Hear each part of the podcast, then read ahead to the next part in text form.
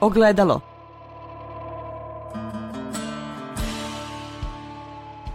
Podcast Autonomije.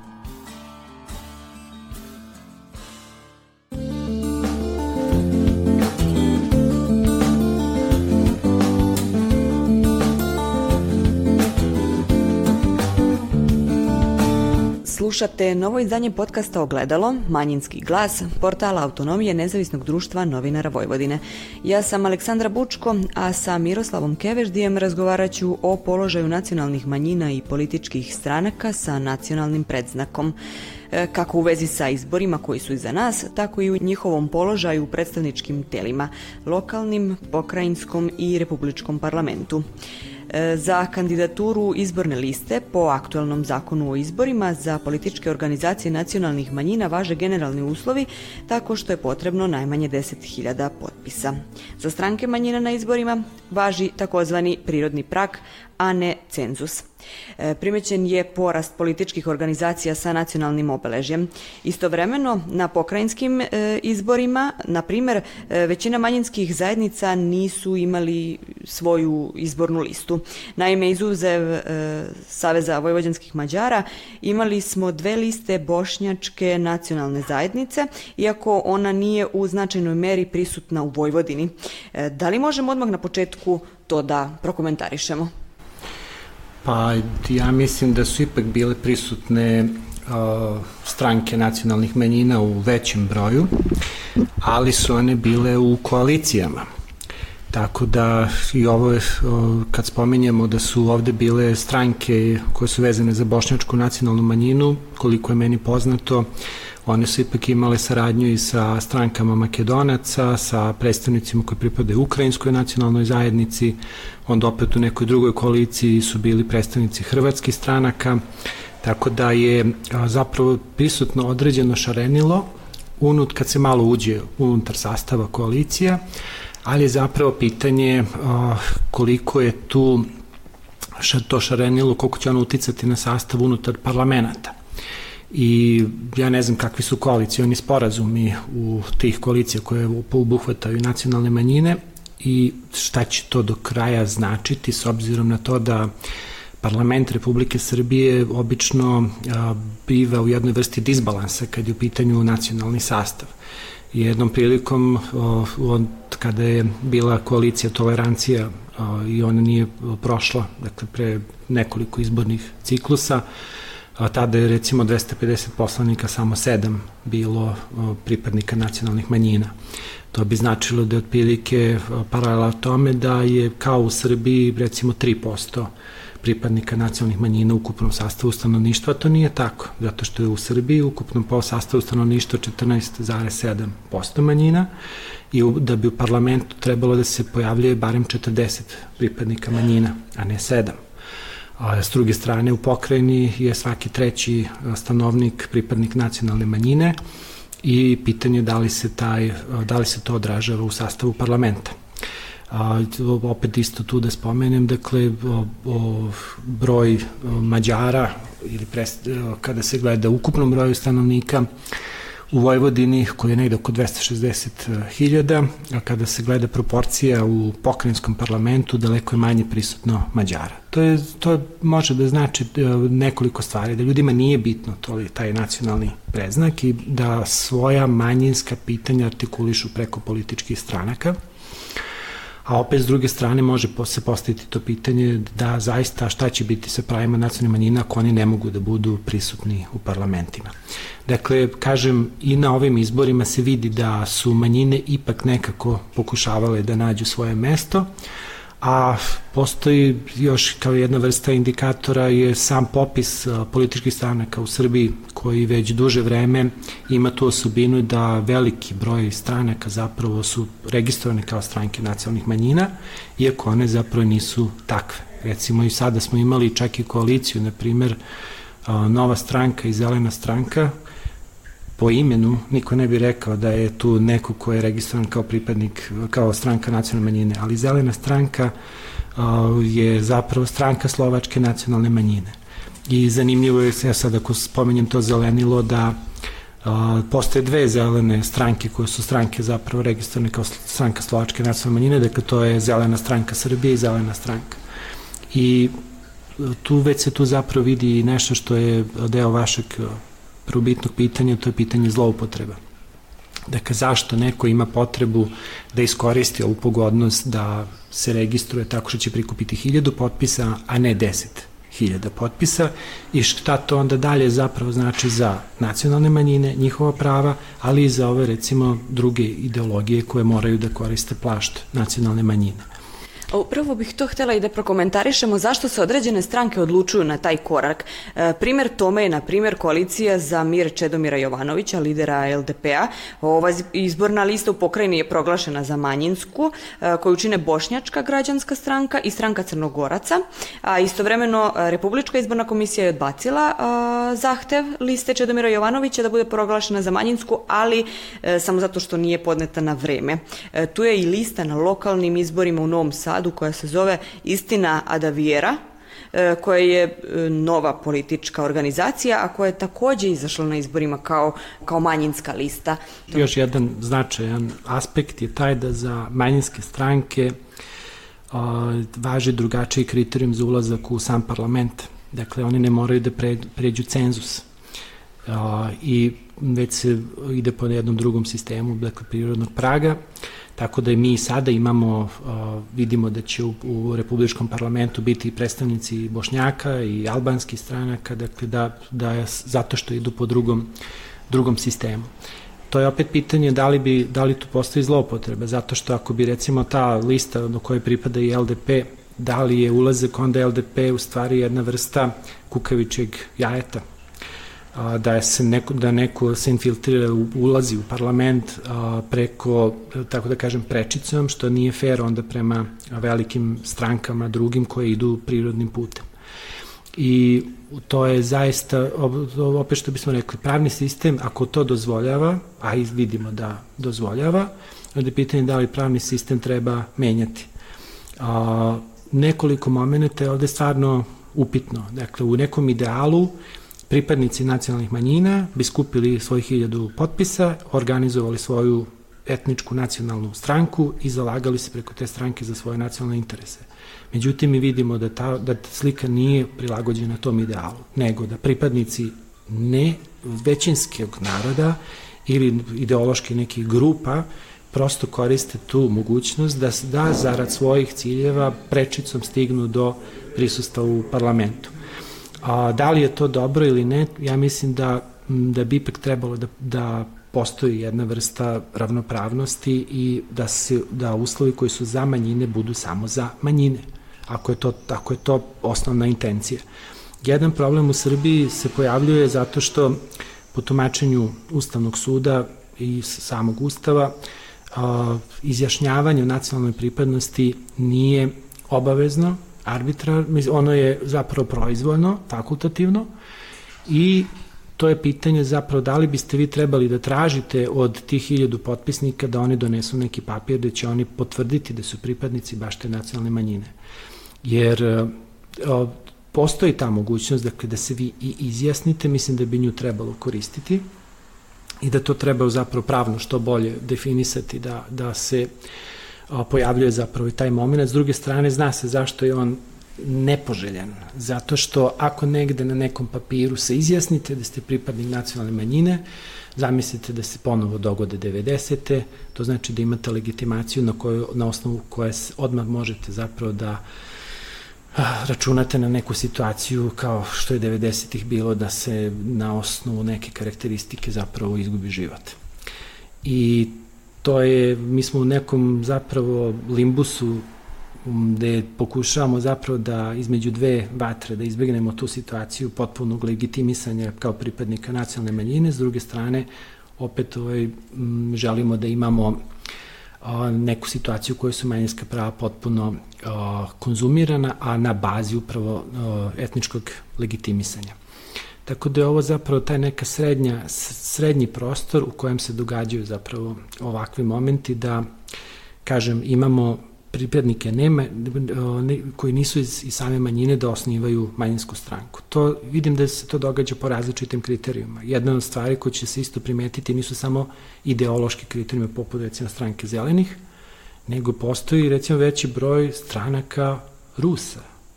A Rusa zapravo u Srbiji nema etničkih toliko da mogu uopšte da sastave jednu stranku.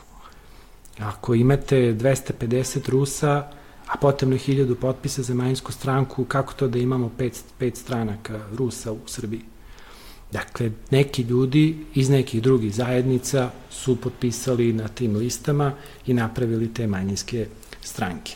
Da li je to zbog toga što su mislili da je ruskost sada nešto što je probitačno i e, što će upravo zbog svoje popularnosti dovesti do parlamenta, ali s druge strane to je laž. To znači varanje stanovništva i lažno predstavljanje.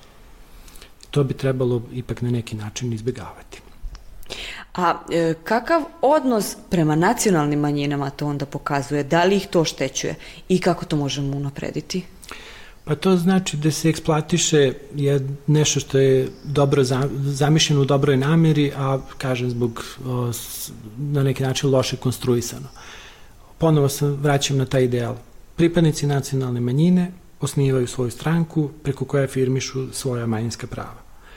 O, I to bi šta, šta sad znači zapravo ako se takav sistem korumpira? Pa to znači da taj krajni cilj afirmacija manjinskih prava, da ona neće biti zapravo adekvatno realizovana da i da će se mo, sasvim je realno i već se pokazivalo da je moguće da se zapravo neko lažno predstavi i da on učestvuje u formulisanju etničke politike neke manjine iako nije njen pripadnik. Mi to vidimo kao jednu paralelu na izborima za nacionalne savete nacionalnih manjina, gde su neke istraživanja već pokazala da se na ne, kod nekih manjina pojavljuju zapravo liste sastavljene od ljudi koji su potpuno iz drugih etničkih zajednica. Neko to može već na prvi pogled da ustanovi na jednim izborima za nacionalne savete, za, na primjer, nacionalne manjine Grka. A, je, imate listu na kojoj se pojavljuju tipično grčka prezimena, a imate drugu listu na kojoj su sva prezimena Popović, Petrović. Dakle, to je, jedno je biti Papadopoulos, a drugo je biti Popović. I da li to već daje razloga za određenu sumnju, dakle, da li to znači da je neko želeo da iskoristi sve beneficije koje idu sa manjinskim pravima, a dolazi iz druge zajednice. To se vidi u drugim državama. U Mađarskoj postoje, recimo, Mađari su se deklarisali kao Ukrajinci da bi došli do nekih prava koje pripadaju nacionalnim manjinama. U Hrvatskoj uh, se govorilo o tome da je zbog pozitivne diskriminacije prilikom dolaška do posla ili kod nas je recimo pozitivna diskriminacija kad je u pitanju upis na fakultet, su se ljudi lažno predstavljali. Dakle, to je uopšte model koji nije prisutan samo u, kod političkih stranaka, nego je to jedan, rekao bi, politički princip koji se ogleda u raznim aspektima. Ljudi se lažno predstavljaju kao Romi da bi mogli lakše da upišu fakultet ili da dobiju socijalnu pomoć a, ili uopšte da bi mogli da, kažem, de, dejstvuju možda i intenzivnije unutar same političke zajednice. Dakle, onda imate situaciju da u nekim od manjinskih parlamenta koje se formira kao o, nacionalni savet nacionalne manjine se odjedan pod više ne govori jezikom te nacionalne manjine zato što su tu ljudi koji ne razumeju jezik te nacionalne manjine, ali su, oni su nekako uspeli da uđu u taj nacionalni savet. Upravo kao neka lista koja deklarativno jeste manjinska, ali ti ljudi nisu pripadnici nacionalne manjine. A da li dešavanja u matičnim državama nacionalnih manjina ili generalni odnos prema njihovim pripadnicima u Srbiji utiču na njihov položaj? E, na primjer, da li su pripadnici crnogorske nacionalne manjine e, bili u lošijem položaju zbog aktuelnih tenzija između Srbije i Crne Gore? A uopšte govoreći da ka Srbija je bogata nacionalnim manjinama, ima 27, 29 zajednice kako se uzme i ono što jeste istorijski bagaž to je da postoje posledice iz 90-ih i da zapravo mnogi sukobi dalje postoje, da li kao latentni, da li kao manifestni. Nešto se popravlja, nešto se kvari. Dakle, vidimo da je recimo od 2012. intenzivirana saradnja sa Mađarskom i sa Mađarskom su odnosi, dakle, nikad bolji. SVM je dobio dobar i čak i da izuzetno dobar rezultat na ovim izborima. Vidi se zapravo čak jedna vrsta integrisanosti mađarske nacionalne zajednice u sistem Srbije zato što postoji neki broj Mađara koji, pri, koji su članovi recimo Srpske napredne stranke i oni dobijaju relativno dobre rezultate u tipično mađarskim opštinama. Dakle, u Vojvodini postoji neki broj opština manji, dakle, u kojima Mađari predstavljaju većinu. Dakle, Ada, Senta, su zapravo opštine u kojima opet recimo ne, ne mađarske stranke su dobile relativno veliki broj glasova. S druge strane, sa postoje države sa kojima je, kao što sam rekao, napetost manje ili više prisutna. Dakle, to je pitanje onda šta je sa političkim organizovanjem Hrvata, pa onda sa njima povezanih Bunjevaca, ili Rumuna, pa sa njima povezanih Vlaha, ili Makedonaca, ili Albanaca, ili Bošnjaka, Crnogoraca. Dakle, veliki je spisak onih sa kojima i mi imamo uh, rekao bih, ne do kraja izvedene račune i ti račune se prelamaju onda i preko političkih procesa izbornih o kojima sada govorimo. Neke manjine su dovoljno snažne i brojne da mogu da organizuju svoj politički život. Bošnjaci imaju veliki broj registrovanih stranaka, autentično bošnjačkih, O, postoji opet i taj zanimljivi moment da recimo Rasim Ljajić ima stranku koja nije nacionalno manjinska, a deo Bošnjaka je ipak tu nekako prisutan i pitanje recimo to je, to je zanimljiva stranka zato što ju mnogi i dalje percipiraju kao stranku Bošnjaka, a ne kao socijaldemokratsku partiju. Dakle, ona je, ni, ni, mislim da je čak taj nadnacionalni uh, atribut te partije je zapravo potisnut potpuno odnosu na nacionalne. To je zapravo treća bošnjačka stranka, a ona je socijaldemokratska u imenu. A s druge strane, ovo što smo rekli, postoje stranke koje su bliže politici Republike Srbije trenutno, dakle, u sporovima između Hrvata, Bunjevaca, Rumuna, Vlaha, dakle, zna se da, recimo, Vlasi ili Bunjevci imaju bolji položaj, pa su zapravo onda i prisutniji unutar e, aranžmana koji se kreira oko vladajuće stranke ili vladajuće koalicije. Neke, nek, s nekim državama su odnosi toliko dobri, to se može čak zapravo vidjeti po statusu onda tih stranaka, recimo, stranka Slovaci napred, neki je zovu Slovačka napredna stranka, zapravo je skoro potpuno inkorporirana u Srpsku naprednu stranku, a i po imenu, a i po, po strukturi, a sa druge strane opet kada a, gledate, postoje neke stranke koje su malo dalje od, od tog statusa.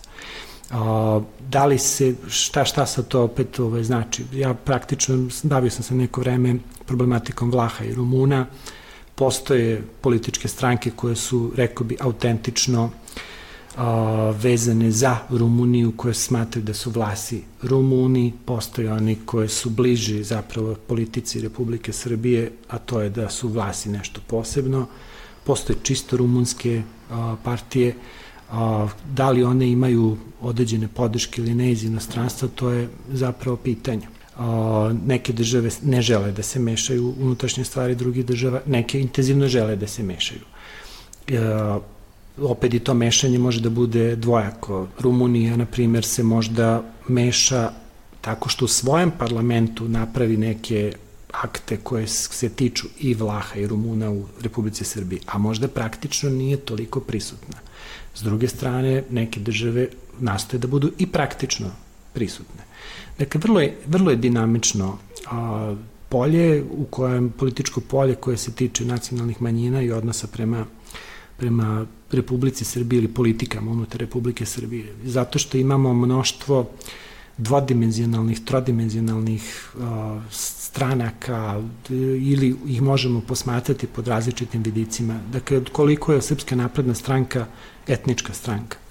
To je veliko pitanje. Dakle, ona, ja imam utisak da postoji veliki otklon od politike Srpske radikalne stranke iako recimo Srpska napredna stranka ima to srpsko u svojem imenu, to srpsko izgleda manje nego što je bilo zapravo kod o, tih istih ljudi dok su bili u drugoj političkoj stranci. Mnogo je veći na, naglasak, čini mi se, na tom naprednjaštvu ili jednoj vrsti neoliberalne politike koju ta stranka sprovodi, a gde je etnički epitet mnogo manje važan.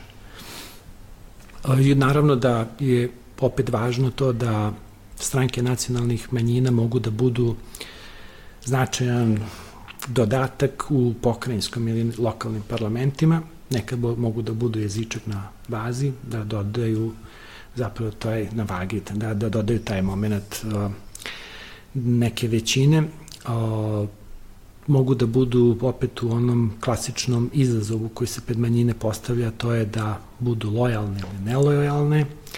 Manj, politike manjina skoro po pravilu su politike lojalnosti.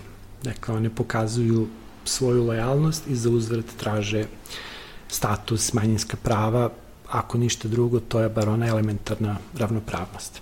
Ponekad, ako je to značajnije prisustvo, očekuje se da će onda ono imati uticaja na rešavanje različitih lokalnih problema koje se tiču nacionalnih manjina. Od finansiranja kulturno-umetničkih društava pa do osnivanja ili funkcionisanja ustanova, kulture, obrazovanja i tako dalje. Tako da je, kao što sam rekao, ovo izuzetno dinamično područje, jedan mm, aspe, ima mnogo aspekata koji su to nekako uključeni i to treba da bude važno i važno je posvećivati pažnju tim pitanjima, iako su skoro po pravilu nekako zapostavljena kada su u pitanju baš te, kako je kažemo, lažne organizacije političke sa tim nacionalnim predznakom, zašto se pripadnici, odnosno nacionalni saveti nacionalnih manjina ne bude na pojavu e, lista sa tim lažnim obeležjem nacionalne manjine? Pa sad, ajde ovako, pokušat ću da zažmurim pa da odgovorim na to pitanje, reći ću tako, pa da ne, nemaju osnov zapravo u onom, u onom istom ustavnom određenju da je nemoguće odrediti ko je pripadnik nacionalne manjine.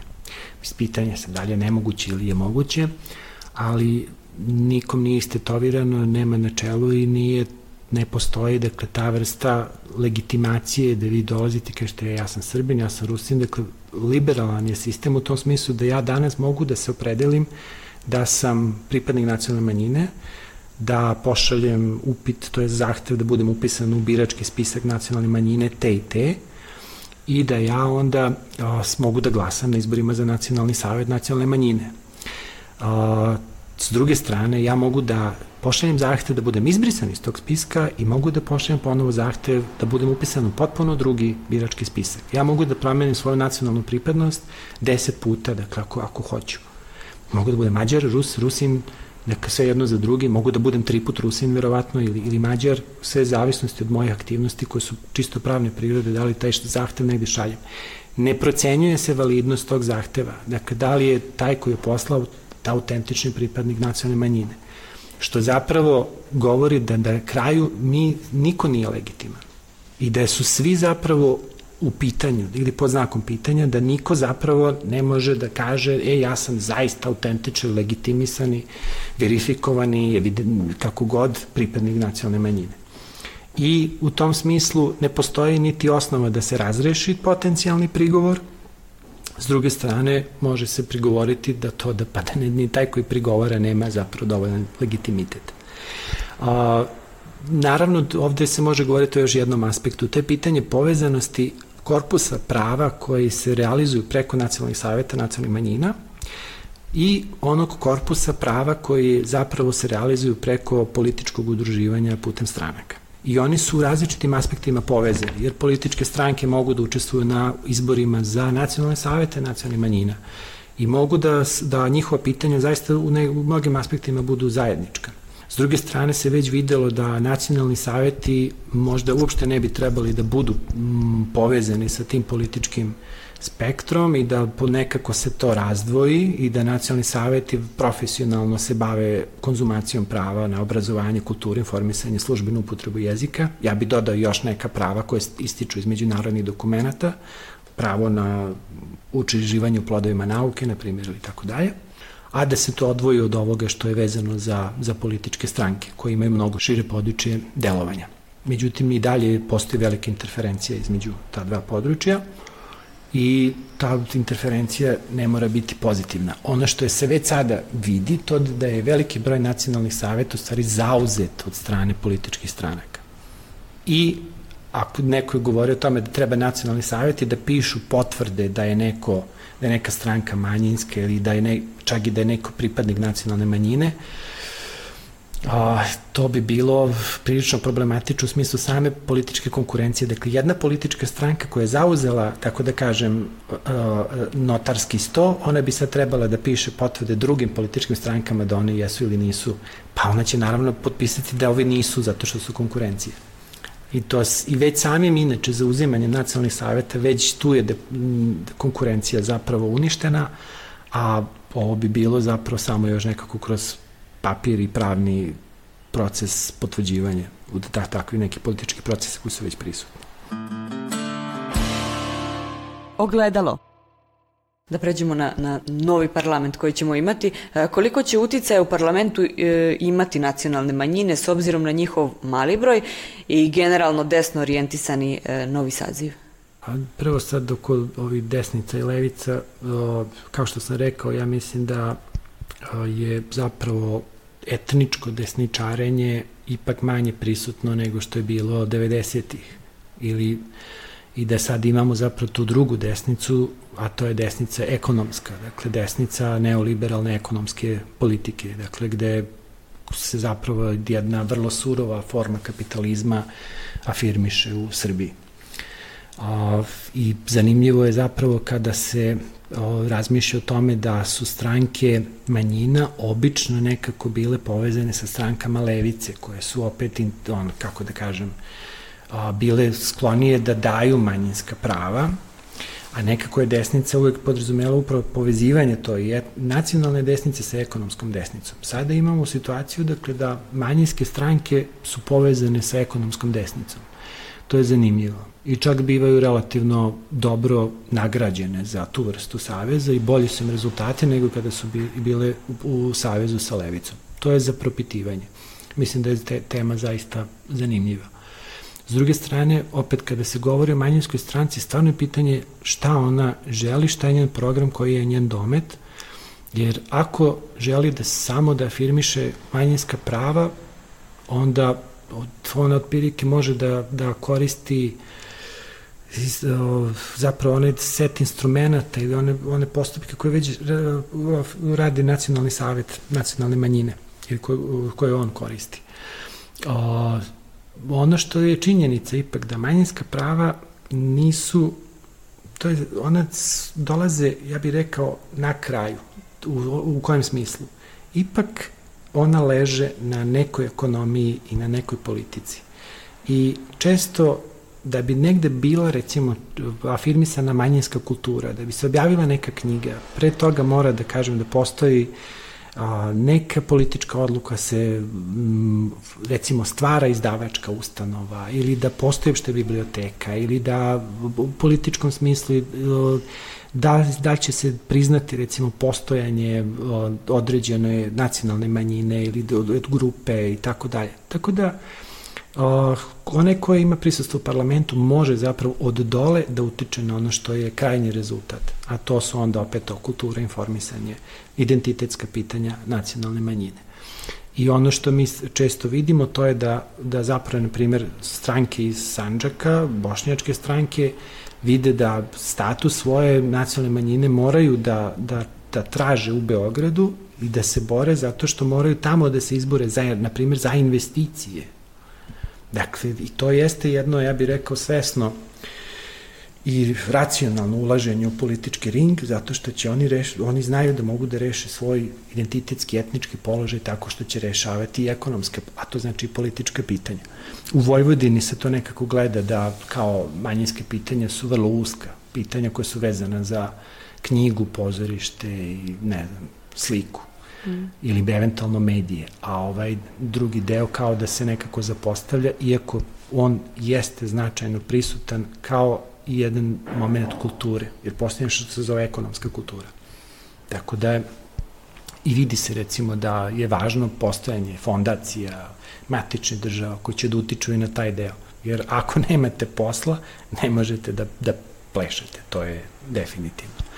Tako da se opet vidi da neke nacionalne manjine će imati tu moć zato što su prisutne u parlamentu. Naravno, njihova moć će zavisiti od toga koliko su one potrebne kao deo neke većine ili kao deo ispunjavanja nekih međunarodnih obaveza.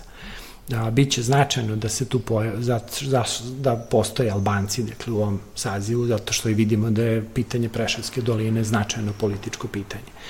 O, m, značajno je da, da jedan region ili podregion Srbije, dakle kakav je Raška, to jest Sanđak, bude zastupljen preko nekih bošnjačkih stranaka, međutim to je ponovo pitanje onda neke ravnopravnosti A stvarno, a šta je sa onih drugih 25, 26, 7 nacionalnih zajednica? A da li to što neće biti Hrvata u možda, ne znam, do, u, u sazivu da to znači da hrvatska nacionalna manjina ili hrvatske sredine neće biti tako dobro afirmisane.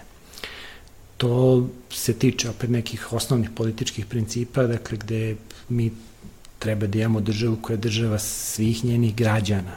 Dakle, to čak i stoji u Ustavu, da je ovo država srpskog naroda i svih njenih građana, zarez uz poštovanje ljudskih i manjinskih prava. Tako da ne bi trebalo da neko trpi zbog toga što je pripadnik manjine, niti da bude opet s druge strane forsiran, bolje plasiran zato što je pripadnik neke manjske grupe. Ni jedno ni drugo nije dobro i manjinci obično i traže ono što je samo da budu ravnopravni, dakle da, i da, da ne trpe zbog svog manjinskog statusa, dakle da i oni imaju da mogu da uživaju i u investicijama, radnim mestima, sigurnosti, kao i svi ostali. Hvala vam. Bilo je ovo novo izdanje podcasta Gledalo, portala Autonomije nezavisnog društva novinara Vojvodine, u kom smo sa Miroslavom Keveždijem razgovarali o položaju nacionalnih manjina i političkih stranaka sa nacionalnim predznakom.